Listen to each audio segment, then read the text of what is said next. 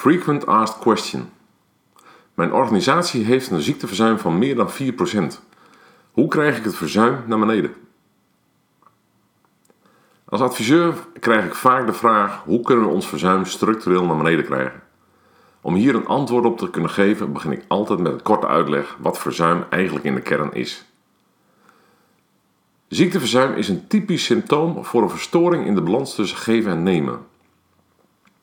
De balans tussen geven en nemen is een van de wortels van een organisatiesysteem.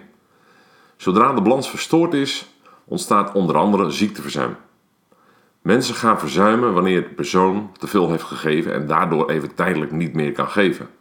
Ze moeten dan als het ware herstellen van het vele geven.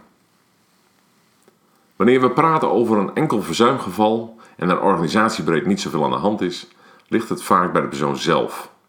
Wellicht is een ongezonde leefstijl de oorzaak van het verzuim, of erfelijke factoren, of iets uit de familie- en gezinsdynamiek.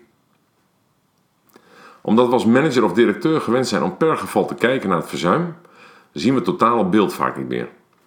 Al snel ligt het dan aan de persoon zelf. Wij kunnen er toch niks aan doen dat hij een ongeluk heeft gehad.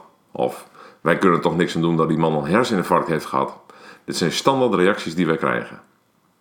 Echter, wanneer we het individuele geval loslaten en uitzoomen om naar het geheel te kijken, zien we hele andere dingen.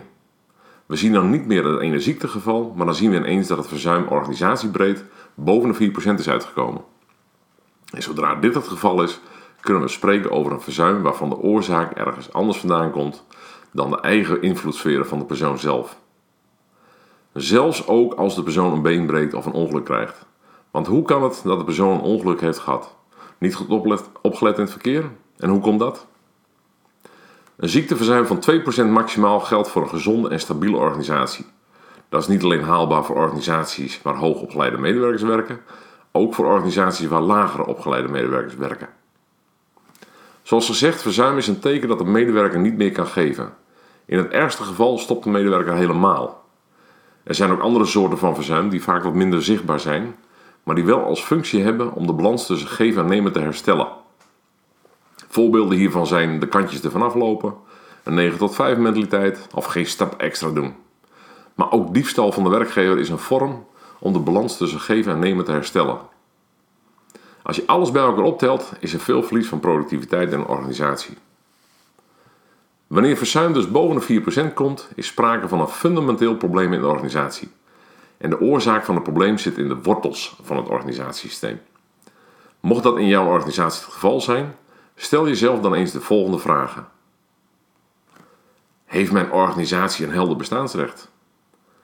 In de regel is een bestaansrecht niet meer dan twee zinnen lang. Dus is het helder geformuleerd?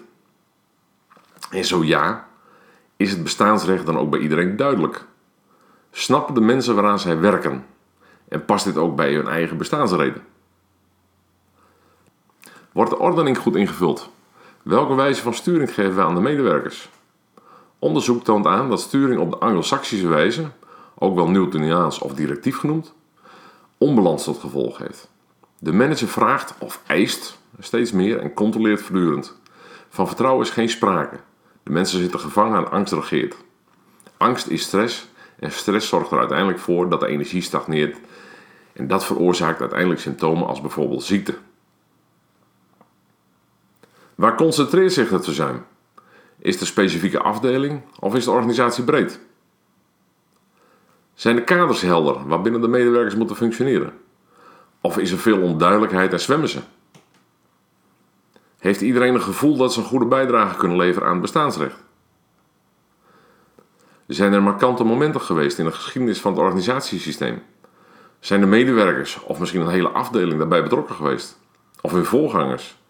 En zijn ze wellicht trouw aan iets wat in dat verleden is gebeurd? En wat mogelijk dus nu om erkenning vraagt in plaats van wegstoppen onder het vloerkleed? Kortom, verzuim is dus niet zomaar even op te lossen. Met een, bijvoorbeeld een vitaliteitsplan of sturen op de eigen verantwoordelijkheid. Verzuim is een serieus symptoom dat de organisatie in onbalans is. Dat vraagt om nader onderzoek in de wortels van het organisatiesysteem. En als deze wortels weer in balans zijn, verdwijnt het hoge verzuim als sneeuw voor de zon. Wil je wat meer informatie wat onbezorgd ondernemen voor jou kan doen? Kijk dan op de website www.onbezorgdondernemen.com of bel met 06 513 11019. Dan komen we graag bij je langs om hier eens over nader door te praten. Mijn naam is Benno Rijpkema, managing partner van Onbezorgd Ondernemen.